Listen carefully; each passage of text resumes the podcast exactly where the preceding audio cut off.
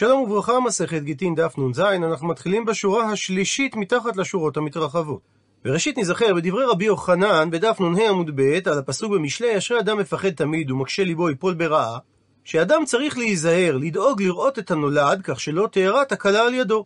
ומנה רבי יוחנן שלושה מקרים שאנשים עשו אותם בקלות דעת ולא ראו למה זה יכול לגרום. המקרה הראשון זה הסיפור של קמצא ובר קמצא, המקרה השני התרנגולה והתרנגולתא חריב טור מלכה. ומסבירה הגמרא, דאבו נהיגי היה להם מנהג כי הבו מפקי חתנה וכלתה, כאשר היו מוציאים את החתן והכלה לחתונה, מפקי קמיו היו מוציאים לפניהם תרנגולה ותרנגולתא, כלומר, ובזה היה סימן, פרו ורבו כתרנגולים. ויש ישיבות שחידשו את המנהג הזה. יום אחד, הבי כחליף גונדה דרומאי, עבר גדוד של רומאים בסמוך לחופה כזו, שקלינו מן. והם לקחו מהם את התרנגול והתרנגולת כדי להכין על האש. התעצבנו על כך היהודים, נפלו עליו ומחון הוא. בני המדינה היהודים נפלו על הגדוד הרומאי ומחו אותו. בעקבות כך, עטו, באו ואמרו ללקיסר, מרדו בך יהודי. וזה גרם שעטה עליו. בא עליהם הקיסר במלחמה. ומספרת הגמרא שאבה בהו היה בהם איש גיבור, ההוא בר דרומא דאבי קפץ מילה וקטיל בהו. שהוא היה קופץ, עובר מרחק של מיל, שזה בקירוב אחד קילומטר, ומחסל את כל הרמאים שעמדו בדרך. בעקבות כך, שק לקיסר לתגי ואות וערה. הוריד הקיסר את הכתר שלו, הניח אותו על הקרקע, ואמר תפילה לפני ריבונו של עולם. ריבונה דעלמא כולי, ריבונו של כל העולם, הניחה לך.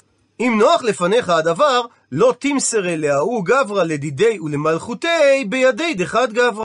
אל תמסור את אותו אדם, הכוונה לקיסר עצמו, ואת מלכותו בידיו של אדם אחד.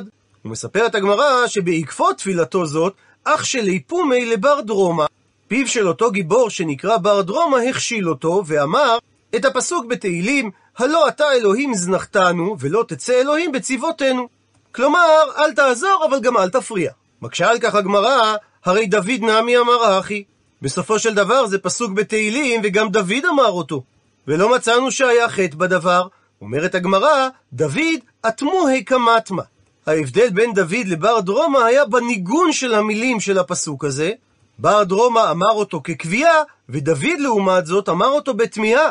האם ייתכן ריבונו של עולם שאנחנו ננצח אם אתה תעזוב אותנו? וממשיכה הגמרא ומספרת על לבית הכיסא, נכנס בר דרומה לשירותים, עטה דרקונה, שם תלה קרקשי ונח נפשי. בא נחש והקיש אותו בבני מאב, והוא מת. קיים סיפור זהה שמופיע בירושלמי על בר כוזיבא, ומזה יש אומרים שבר דרומה הוא בעצם בר כוכבא. בעקבות כך אמר קיסר, הואיל והתרחיש לי ניסה, הזימנה, השביקינו.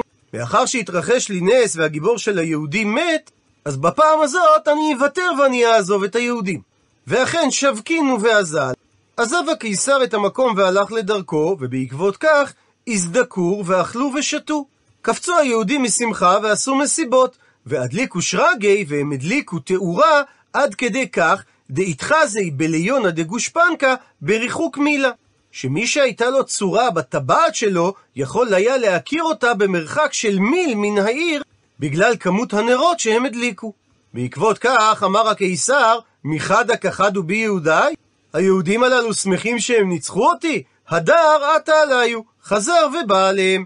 אמר רבי יעשי, תלת מאה אלפי שליפי סייפה, איילו לטור מלכה, שלוש מאות אלף חיילים שולפי חרב נכנסו לעיר טור מלכה, וקטלו בה ורצחו בה את היהודים במשך תלת היומי ותלת הללווייתא, שלושה ימים ושלושה לילות, ובהך גיסא הילולי וחנגי, ולא אבו ידי הני בעני. וטור מלכה היה מקום כזה גדול, שבצד אחד חילות המלך היו רוצחים יהודים, ובצד השני היו עושים מסיבה, ולא ידעו אלו מאלו. והביטוי טור מלכה, הכוונה הר המלך, יש שמזהים את זה עם ההר של ארץ ישראל המערבית, יש שקוראים את זה רק על הרי יהודה, ויש מציינים את החלק הדרומי של הרי אפרים, אזור בית אל. רבי אשתורי הפרחי, שעסק הרבה בהלכות ארץ ישראל וחקר את תולדות הארץ, כותב בספרו כפתור ופרח, והר המלך הוא הר גדול רב הפירות מכל ערי ישראל, ועל כורחנו ביהודה הוא. ובן ציון סגל בספרו הגיאוגרפיה במשנה מגיע למסקנה שהעולה מכלל הידיעות על הר המלך מלמד שהערים שנקראו בשם זה הם חלק מערי אפרים הגובלים בערי יהודה וכאשר מלכי החשמונאים כבשו מידי הסורים הם בנו שם ערים ועיירות הושיבו בתוכן יהודים רבים וסיפחו את כל השטח לתחום הריבונות של ארץ יהודה ואולי ניתן למצוא במעשים אלה את מקור השם הר המלך. ודורשת הגמרא את הפסוק באיכה בילה אדוני ולא חמל את כל נאות יעקב כי עתה, כשבא רבין מארץ ישראל לבבל, הוא אמר בשם רבי יוחנן, אלו שישים ריבו עיירות, שש מאות אלף עיירות שהיו ללינאי המלך בהר המלך. ואמר רב יהודה, אמר רב אסי, שישים ריבו עיירות היו ללינאי המלך בהר המלך, וכל אחת ואחת היו בה כיוצאי מצרים, זאת אומרת שש מאות אלף תושבים, חוץ משלוש עיירות שהיו בהם כפליים כיוצאי מצרים, ואלו הן כפר ביש, כפר שיחליים וכפר דכריה. ובחשבון פשוט, אם היו 600 אלף עיירות ובכל אחת 600 אלף תושבים, אנחנו מדברים על סכום עצום של אנשים, 360 מיליארד איש. ומסתבר שכל המספרים הללו, כמו השמות של המקומות, מייצגים כל מיני ערכים, כמו שהמפרשים במקום, כגון המהר"ל והמהרש"ם, מסבירים. ומסבירה הגמרא, כפר ביש נקרא כך, דלא יהווה ביתא לאושפיזה, שהם לא היו נותנים את בתיהם לאורחים, כפר שיחליים נקרא כך, מפני שהייתה פרנסתן מן אכילת שחליים. וכפר דכריה נקרא כך, שאמר רבי יוחנן, מפני שהיו נשותיהם יולדות זכרים תחילה, ויולדות נקבה באחרונה ופוסקות מללדת.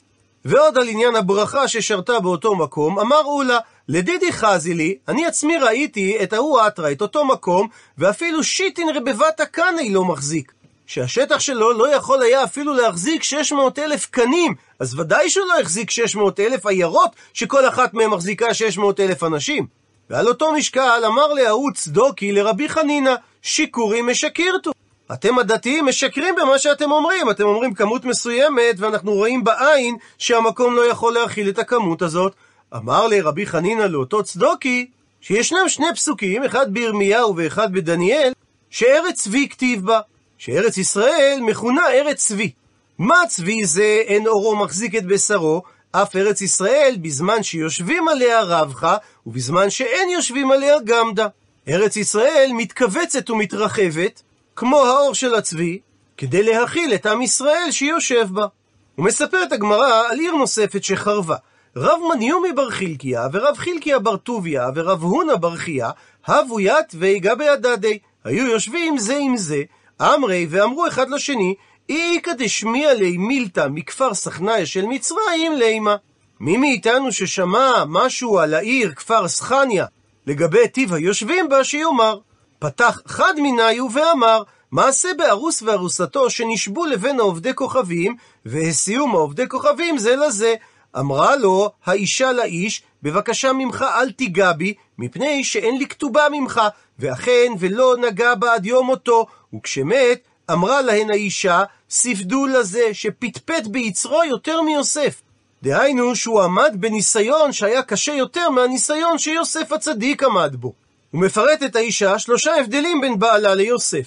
הבדל ראשון, דאילו ביוסף לא הווה אלא חדשתה. הוא עמד בניסיון חד פעמי, והי, ולעומת זה הבעל שלה, עמד בניסיון כל יומא ויומא. הבדל שני, ואילו יוסף לאו בחד המיטה, והי בחד המיטה. יוסף לא היה באותה מיטה עם אשת פוטיפר, מה שאין כן בעלה של אותה אישה, שהיה ישן איתה באותה מיטה. הבדל שלישי, ואילו יוסף לאו אשתו, והא אשתו. הניסיון של יוסף לא היה עם אשתו, מה שאין כן הניסיון של האיש הזה, היה להתגבר על יצרו שניסה לפתות אותו באשתו. וזו הוכחה ראשונה שאנשי אותה העיר היו צדיקים. פתח אידך ואמר, חכם אחר סיפר על אנשי אותה העיר, שמעשה ועמדו ארבעים מודיות בדינר, שהייתה כזו ברכה בתבואה של אותה העיר, שניתן היה לקנות בדינר אחד ארבעים שאים של תבואה, והנה קרה שנחסר השער מודיעה אחת. כך שניתן היה לקנות בדינר רק 39 שאים של תבואה. בעקבות כך, ובדקו ומצאו אב ובנו שבאו על נערה מאורסה ביום הכיפורים, והביאום לבית דין וסקלום, ואז וחזר השער למקומו. מה שאומר שמלבד העבירה הזו, כל אנשי העיר היו צדיקים. פתח אידך ואמר, החכם השלישי פתח ואמר, מעשה באדם אחד שנתן עיניו באשתו לגרשה, אבל מה לעשות והייתה כתובתה מרובה, אז מה עשה? הלך וזימן את שושביניו, החברים שלו, והאכילן והשכן, שחרן והשכיבן על מיטה אחת שהייתה המיטה של אשתו, והביא לובן ביצה, והטיל ביניהן בין השושבינים לבין אשתו, והעמיד להם עדים, ובא לבית דין וטען שאשתו זינתה איתם. היה שם זקן אחד מתלמידי שמאי הזקן, ובבא בן בוטה שמו. אמר להם, כך מקובלני משמאי הזקן, שניתן לבדוק את הדבר באופן הבא.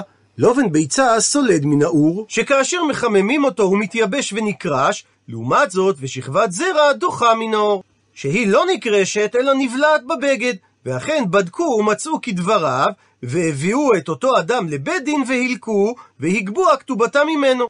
ומסביר הבן איש חי בספרו בן יהוידע, שההוכחה ממעשה זה שאנשי העיר היו צדיקים, משום שהוצרך הבעל לשקר את השושבינים כדי להשכיבן על המיטה, ואם הם לא היו צדיקים, הוא לא היה צריך לשקר אותם, אלא כיוון שהיה נותן להם רשות לשכב במיטה של אשתו, הם ודאי היו שמחים בכך ועולים למיטה. אלא מכאן הוכחה שהם היו צדיקים, ואם היה אומר להם שיעלו לשכב במיטה זו, הם היו חששים מערעור כיוון דאשתו שוכבת שם.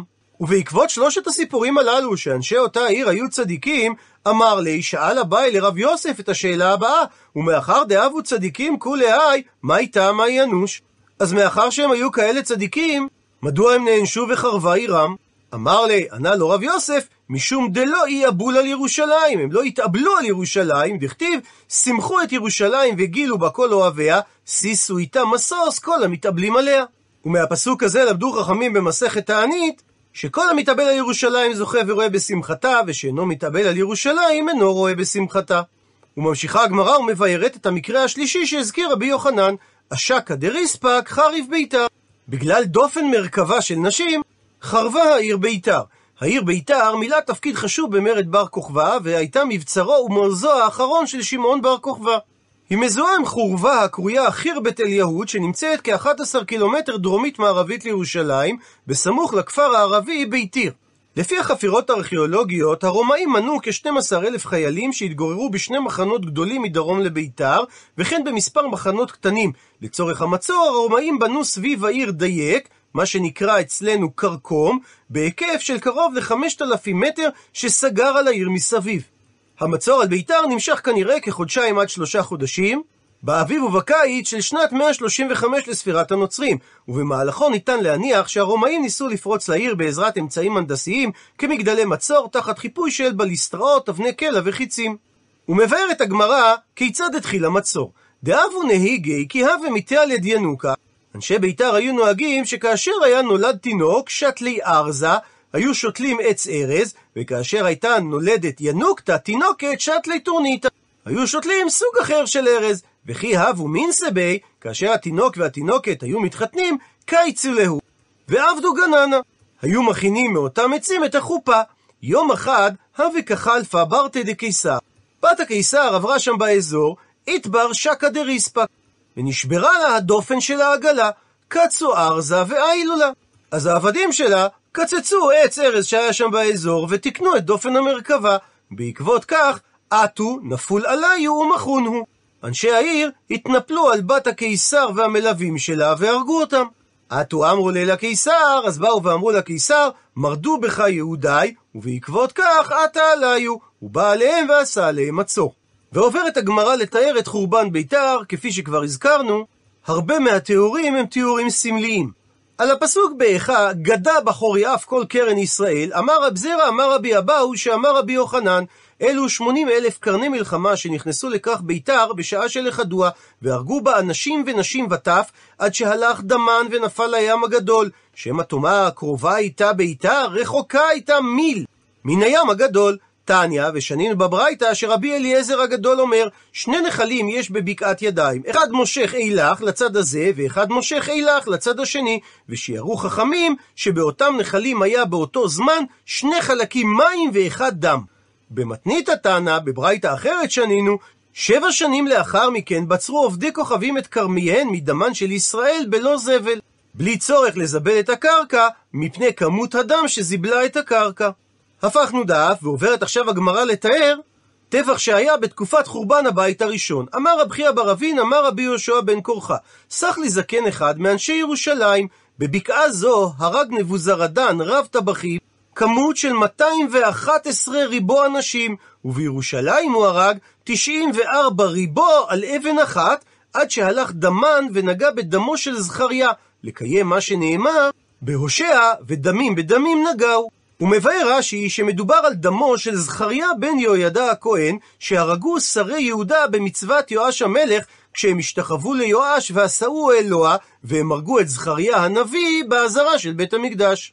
שכך כתוב בדברי הימים ב' פרק כ"ד ואחרי מות יהוידע באו שרי יהודה וישתחוו למלך אז שמע המלך עליהם ויעזבו את בית אדוני אלוהי אבותיהם ויעבדו את האשרים ואת העצבים ויהי קצף על יהודה וירושלים באשמתם זאת וישלח בהם נביאים להשיבם אל אדוני, ויעידו בם ולא האזינו. ורוח אלוהים לבשה את זכריה בן יהוידע הכהן, ויעמוד מעל לעם ויאמר להם, כה אמר האלוהים, למה אתם עוברים את מצוות אדוני ולא תצליחו? כי עזבתם את אדוני ויעזוב אתכם. ויקשרו עליו וירגמו אבן במצוות המלך בחצר בית אדוני. ולא זכר יואש המלך החסד אשר עשה יהוידע אביו אמו, ויהרוג את בנו, וכמותו אמר, ירא אדוני וידרוש.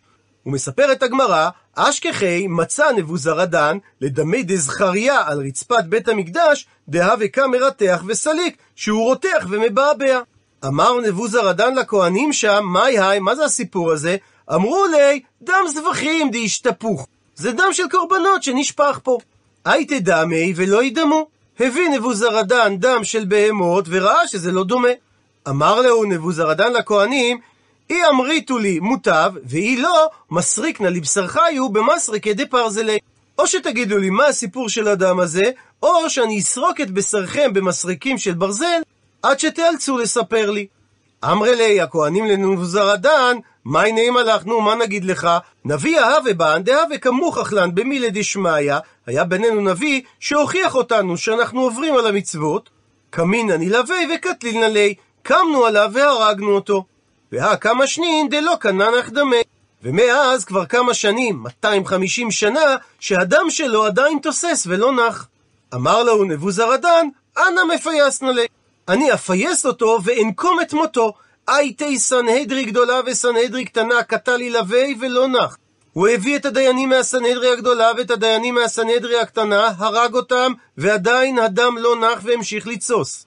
הביא בחורים ובתולות, קטל ילווה והרג אותם שם, ועדיין ולא נח דם זכריה. הייתי הביא תינוקות של בית רבן קטל ילווה והרג אותם שם, ועדיין ולא נח הדם.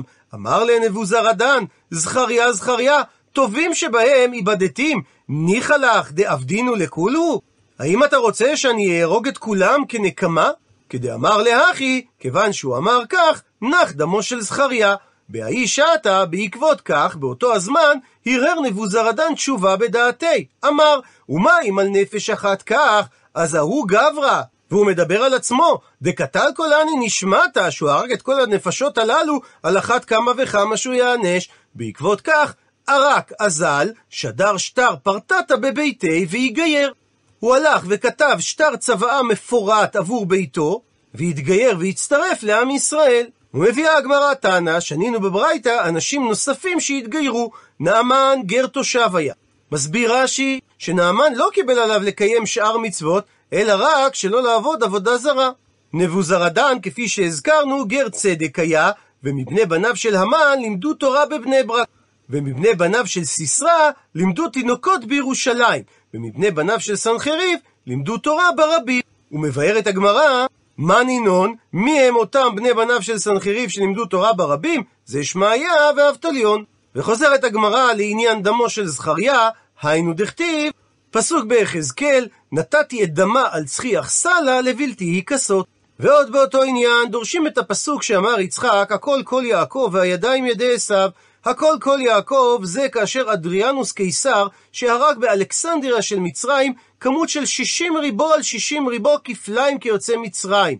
כל יעקב זה אספסיאנוס קיסר, שהרג בכרך ביתר 400 ריבו, ואמרי לה, ויש אומרים, לא כמות של 4 מיליון, אלא כמות של 4,000 ריבו, שזה 40 מיליון, והידיים ידי עשיו, זו מלכות הרשעה שהחריבה את ביתנו ושרפה את היכלנו, והגליתנו מארצנו. דבר אחר, והכל כל יעקב, שאין לך תפילה שמועלת שאין בה מזרעו של יעקב. ומצד שני, והידיים ידי עשיו, אין לך מלחמה שנוצחת שאין בה מזרעו של עשיו. וחוזרת עכשיו הגמרא לסיפור של קמצא ובר קמצא ואומרת, והיינו דאמר רבי אלעזר, שמשמעות הכתוב באיוב בשוט לשון תחווה, שבחרחורי לשון תחווה. שכאשר יש חרחורי ריב שקשורים ללשון, דהיינו רכילות ולשון הרע, יש חורבן שצריך להתחבא מפניו. ועוד בענייני חורבן אמר רב יהודה אמר רב, מאי דכתיב על נהרות בבל, שם ישבנו גם בכינו בזוכרי נאה ציון, מלמד שהראו הקדוש ברוך הוא לדוד חורבן בית ראשון וחורבן בית שני. חורבן בית ראשון שנאמר על נהרות בבל, שם ישבנו גם בכינו, וחורבן בית שני דכתיב, זכור השם לבני אדום את יום ירושלים, האומרים ערו ערו עד היסוד בה. וממשיכה הגמרא ומספרת, אמר רב יהודה אמר שמואל, ואי תימה, ויש אומרים שאמר את זה רבי עמי, ואמר אליו, ויש אומרים במתנית התנא, ששנו את זה בברייתא. מעשה בארבע מאות ילדים וילדות שנשבו לקלון. הילדים למשכב זכר, והילדות לזנות. והרגישו בעצמם למה הם מתבקשים, כי הם ראו שרק ילדים נמצאים שם ולא מבוגרים, אז הם הבינו שזה לא שבויים רגילים. אמרו, שאלו, אם אנו טובעים בים, האם אנו באים לחיי העולם הבא? דרש להם הילד הגדול שבהם את הפסוק הבא בתהילים, אמר אדוני מבשן אשיב, אשיב ממצולות ים. שהשם מבטיח לצדיקים, מבשן אשיב, דהיינו מבין שיני אריה, שטרף את הצדיקים, אני אשיב אותם לחיי העולם הבא, ממצולות ים, אפילו את אלו שטובעים בים. כיוון ששמעו ילדות כך, קפצו כולן ונפלו לתוך הים ומתו. נשאו הילדים קל וחומר בעצרם, ואמרו, מה הללו הילדות שדרכן לכך? ואין הקלון שלהם גדול כמו הקלון שלנו, אז כך אנו שאין דרכנו לכך, על אחת כמה וכמה, ואף הם קפצו לתוך הים, ועליהם הכתוב אומר, כי עליך הורגנו כל היום. נחשבנו כצאן טבחה. והסיפור הזה הוא ההשראה לסיפור של ה-93 נערות חרדיות מבית יעקב שהתאבדו כדי שלא להיאנס על ידי חיילים גרמנים בזמן השואה. הסיפור הזה הונצח בדרכים שונות, בהם בשמות רחובות בערים אחדות, אולם מאוחר יותר, וכך משוכנעים החוקרים היום, שהסיפור הספציפי הזה לא התרחש מעולם. ומביאה הגמרא ארבע דוגמאות נוספות להמחשת הפסוק כי עליך הורגנו כל היום, נחשבנו כצאן טבחה. הדוגמה השנייה, רב יהודה אמר, זו אישה ושבעה בניה, או במקורות אחרים, חנה ושבעת בניה. שכך היה הסיפור. התיאור קמה לקמי דקיסר, הביאו את הבן הראשון לפני הקיסר, אמרו לי, פלח תעבוד לעבודת כוכבים. אמר לו הילד, כתוב בתורה, אנוכי השם אלוקיך. בעקבות כך, אפקו וקטלו. הוציאו אותו והרגו אותו. ועטיו לאידך לקמא דקיסר, הביאו את הבן השני לפני הקיסר, אמרו לי, פלח תעבוד לעבודת כוכבים. אמר לו הילד, כתוב בתורה, לא יהיה לך אלוהים אחרים על פניי. אפקו וקטלו, הוציאו והרגו אותו. אחר כך, עטיו לאידך, הביאו את הילד השלישי לפני הקיסר, אמרו לי, פלח תעבוד לעבודת כוכבים. אמר לו הילד, כתוב בתורה, זובח לאלוהים יוחרם. בעקבות כך, אפקו וקטלו, הוציאו והרגו אותו. עטיו לאידך, הביאו את הילד הרביעי לפני הקיסר. אמרו לי, פלח, תעבוד לעבודת כוכבים. אמר לו הילד, כתוב בתורה, לא תשתחווה לאל אחר. אפקו וקטלו. עטיו הביאו לאידך, לילד החמישי. אמרו לי, פלח לעבודת כוכבים. אמר לו הילד, כתוב בתורה, שמע ישראל, השם אלוקינו, השם אחד. אפקו וקטלו, הוציאו והרגו אותו. עטיו לאידך, הביאו את הילד השישי. אמרו לי, פלח, תעבוד לעבודת כוכבים. אמר לו הילד, כתוב בתורה, וידעת היום והשבות האלה לבביך, כי השם הוא האלוקים בשמיים ממעל ועל הארץ מתחת, אין עוד. אפקו וקטלו, הוציאו והרגו אותו.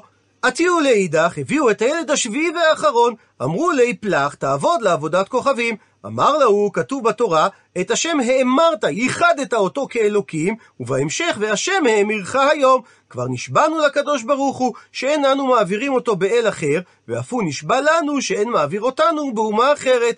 אמר לו הקיסר לילד, איש דלך גושפנקה, אני אשליך לפניך את טבעת החותם שלי, וגחין ושקלי, ותתכופף ותרים אותה, כי היכי דלימרו, כדי שאנשים יראו את זה ויאמרו, קביל עלי הרמנא דמלכה, שקיבלת עליך את שלטון המלך.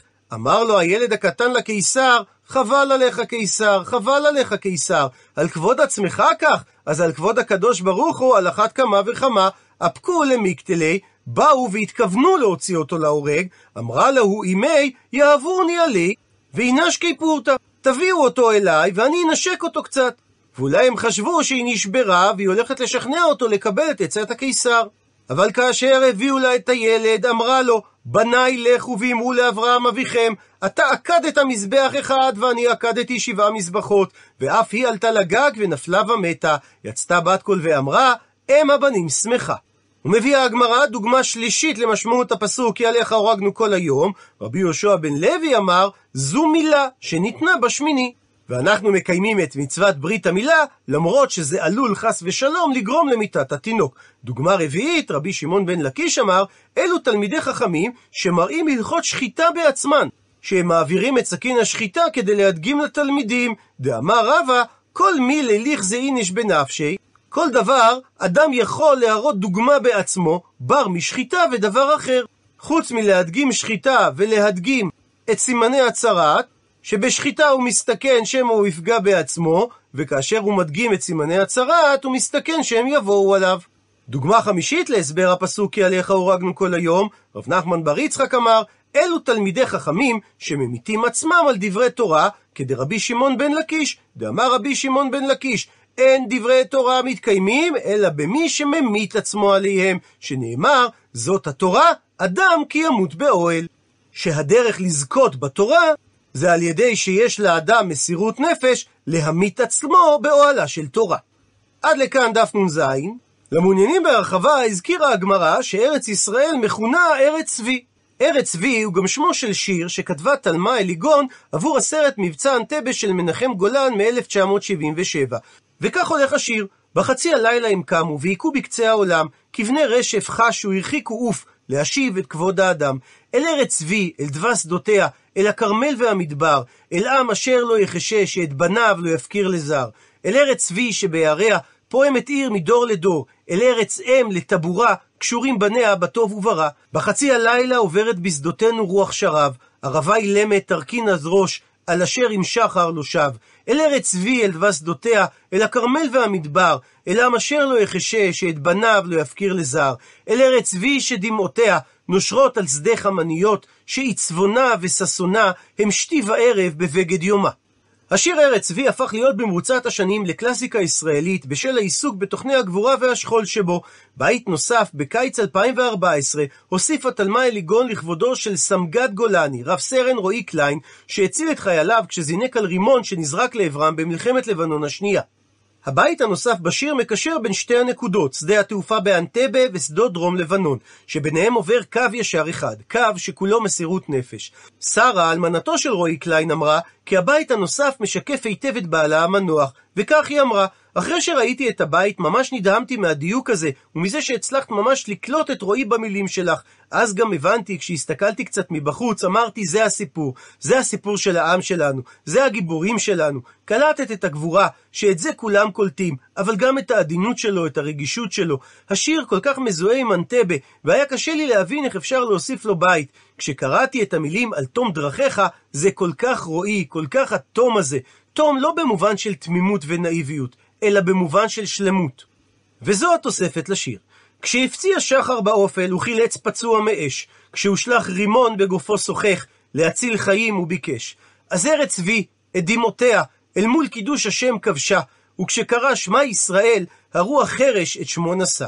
רועי, השם ישמור עליך, על תום דרכיך, על עוזך, על ארץ צבי, שנשמתך שזורה לנצח בבגד יומה.